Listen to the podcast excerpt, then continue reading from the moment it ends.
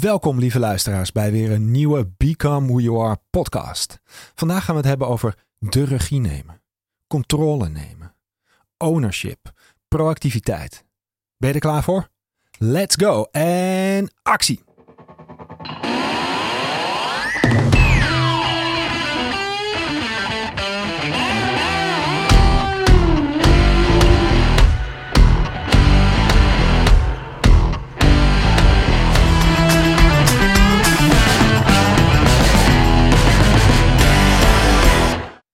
Stel je nou eens voor hè, dat, je, dat je leven een film is.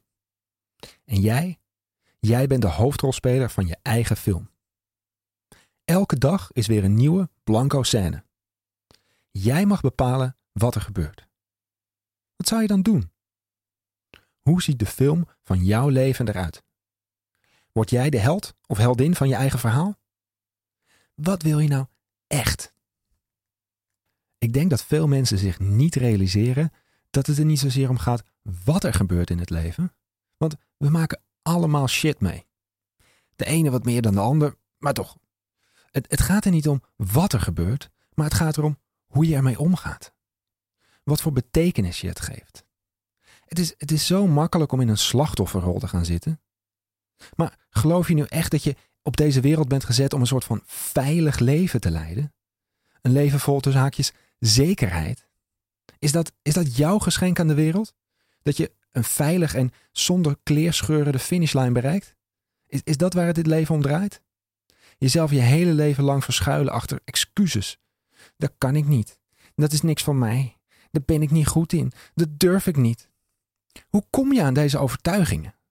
Wie heeft je zo geconditioneerd? Je, je ouders? Eh, hebben die je verpest? Of je omgeving? Jezelf? Omdat je de eerste keer dat je iets probeerde dat het niet direct lukte? Seriously? Laat me je een voorbeeld geven. Mijn dochter is, is net deze week begonnen met loslopen. Ze is nu 16 maanden. Ze kon al aardig wat stapjes doen, aan de hand lopen, langs een tafel of een stoel, maar loslopen vond ze echt nog heel erg spannend. Totdat ze toch genoeg moed en verlangen bij elkaar gesprokkeld had om te proberen om los te lopen. Een paar kleine stapjes. En toen, boem, viel ze. Wat dacht je? Dat ik toen tegen haar zei: Nee hoor, ik zie het al. Oh, stop maar. Dat wordt helemaal niets. Dat kun jij niet. Blijf jij maar lekker je hele leven kruipen. Nee, natuurlijk niet. Mijn dochter zal, hoe dan ook, koste wat het kost, gaan lopen. Net zo lang proberen, vallen en opstaan tot het lukt. Letterlijk stap voor stap.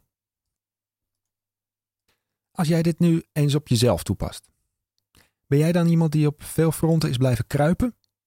Of durf jij, stap voor stap, met vallen en opstaan, te bereiken wat je echt wilt?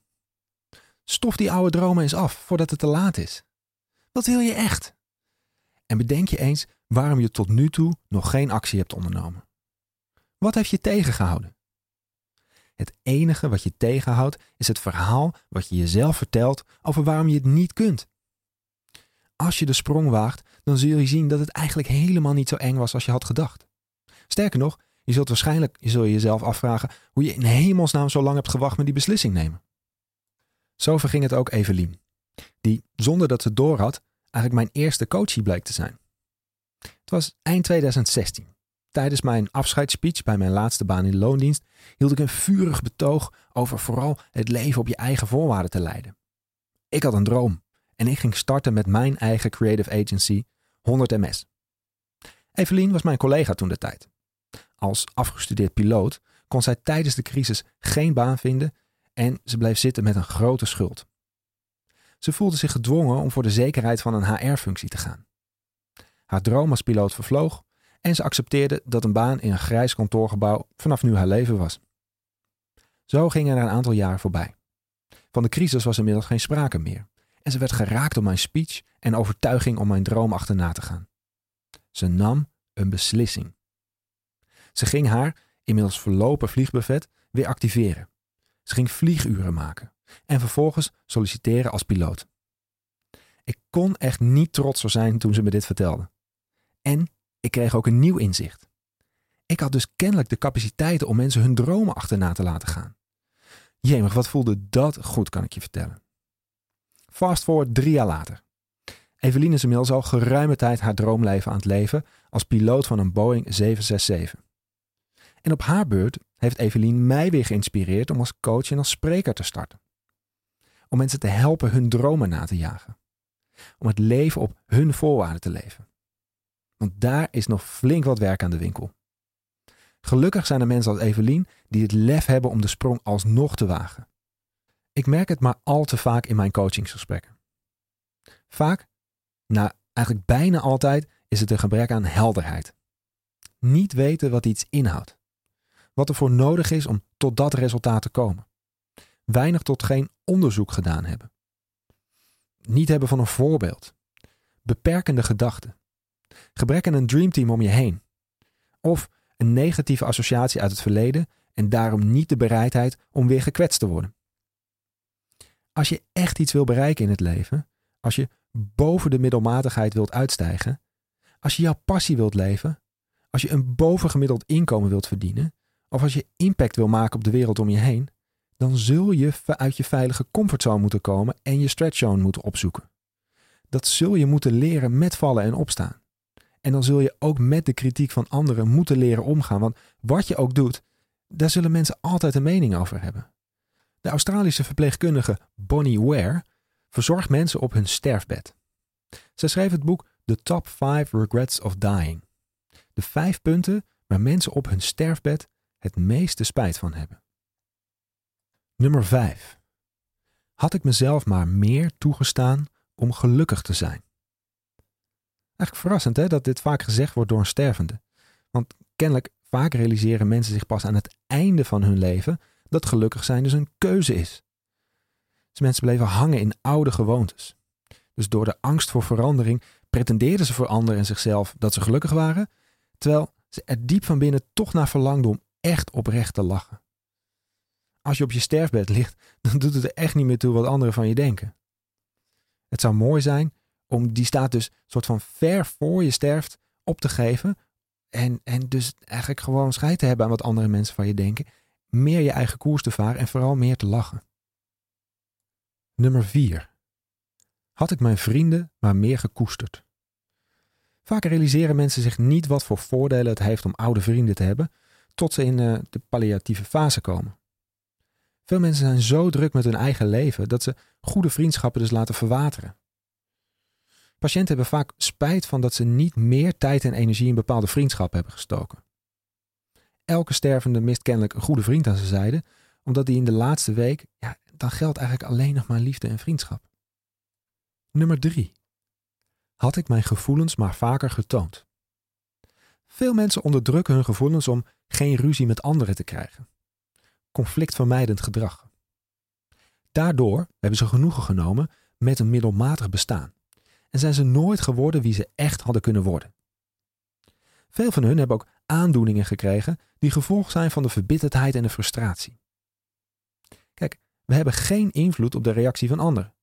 Maar wanneer je jezelf eerlijk uitspreekt, ja, dan kan dat misschien reacties oproepen, maar het brengt ook je relaties naar een hoger en beter niveau. Het is of dat, of in de ongezonde relatie blijven zitten, zonder je ooit uit te spreken. Nummer 2 had ik maar niet zoveel gewerkt. De schrijfster Bonnie hoorde dit dus van elke patiënt die ze heeft verzorgd. Ze hadden de jeugd van hun kinderen gemist en het kameraadschap van hun partner. De mannen die ze verpleegden hadden ongelooflijk veel spijt dat ze zo'n groot deel van hun leven werkend hadden doorgebracht. Door een minder dure levensstijl heb je minder geld nodig dan je denkt. En door meer ruimte in je leven te creëren, word je gelukkiger en sta je open voor meer nieuwe mogelijkheden die misschien wel veel beter bij je passen. Dromgeroffel. Mijn persoonlijke favoriet, nummer 1. Had ik maar mijn leven op mijn eigen manier geleid. Niet het leven dat anderen van me verwachten of wilden. Grappig hè? Hier hadden dus de ouderen het meeste spijt van. Zodra mensen zich realiseren dat hun leven bijna voorbij is en er met een eerlijke blik op terugkijken, zijn er dus heel veel onvervulde dromen opeens heel duidelijk zichtbaar. Veel mensen hebben nog niet de helft van hun dromen geprobeerd waar te maken en stierven met de wetenschap dat dit kwam door bepaalde keuzes die ze maakten of niet gemaakt hadden. Het is ontzettend belangrijk om in elk geval een paar dromen na te jagen. Het moment dat je gezondheid achteruit gaat, is het dus te laat. Gezondheid geeft een enorme vrijheid waar maar weinig mensen zich bewust van zijn, totdat ze het niet meer hebben. Dus snap je nu waarom ik de hele tijd aan het roepen ben: leef het leven op jouw voorwaarden? Het is niet uh, dat het uh, soort van uh, alleen maar van mij vandaan komt of zo. Het is dus echt bewezen dat mensen die op hun sterfbed daar het meeste spijt van hebben. Dat ze niet het leven op hun eigen voorwaarden hebben geleefd. Maar moet het nou echt zover komen dat je op je sterfbed spijt krijgt? Want dan is het dus te laat. Of ben je iemand die liever wacht op die burn-out? Tot je relatie over is? Of dat je kinderen krijgt en je die als excuus kunt gebruiken om je dromen niet meer na te jagen? Of totdat je, de dokter je na een hartinfarct moet vertellen: Ja, meneer of mevrouw, moet nu echt stoppen met roken, omdat de volgende keer heb je niet zoveel mazzel. Want dan, ja, dan kunnen we ineens wel veranderen. Want dan wordt de pijn zo groot dat je zegt: Nou, echt geen, geen uur, geen minuut, geen seconde langer meer. Ik neem actie. Maar waarom niet nu? Waarom moet daar eerst zo'n pijnlijke gebeurtenis voor aan afgaan voordat je echt actie onderneemt? Ik stel je nogmaals de vraag: wat wil je echt? En als je weet wat je echt wil, waar je diep van binnen een brandend verlangen voor hebt, wees dan de held of heldin van je eigen verhaal. Neem dan de beslissing. Maak een plannetje, neem die sprong en laat je door niets of niemand meer tegenhouden. Heb vertrouwen dat als jij alles doet om te bereiken, dit uiteindelijk ook jouw kant op komt. Het is jouw leven. Je krijgt maar één kans om het ook op jouw manier te doen. Neem de regie. Leef het leven op jouw voorwaarden. Ik ga jullie eh, achterlaten met deze prachtige woorden die de Australische Eric Hansen ooit schreef. Zij schreef: There is freedom waiting for you in the breezes of the sky. And you ask, What if I fall? Oh, but my darling, what if you fly?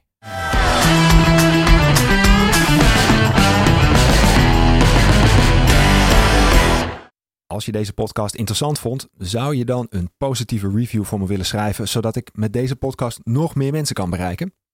Geef deze podcast een 5-sterren review op iTunes of like deze op SoundCloud. Onder de reviews verloot ik een gratis 30 minuten Skype coach sessie. Dus wil je kans op maken? Schrijf dan een positieve review en wie weet spreken we elkaar binnenkort. Zoals altijd, bedankt voor het luisteren en tot de volgende keer.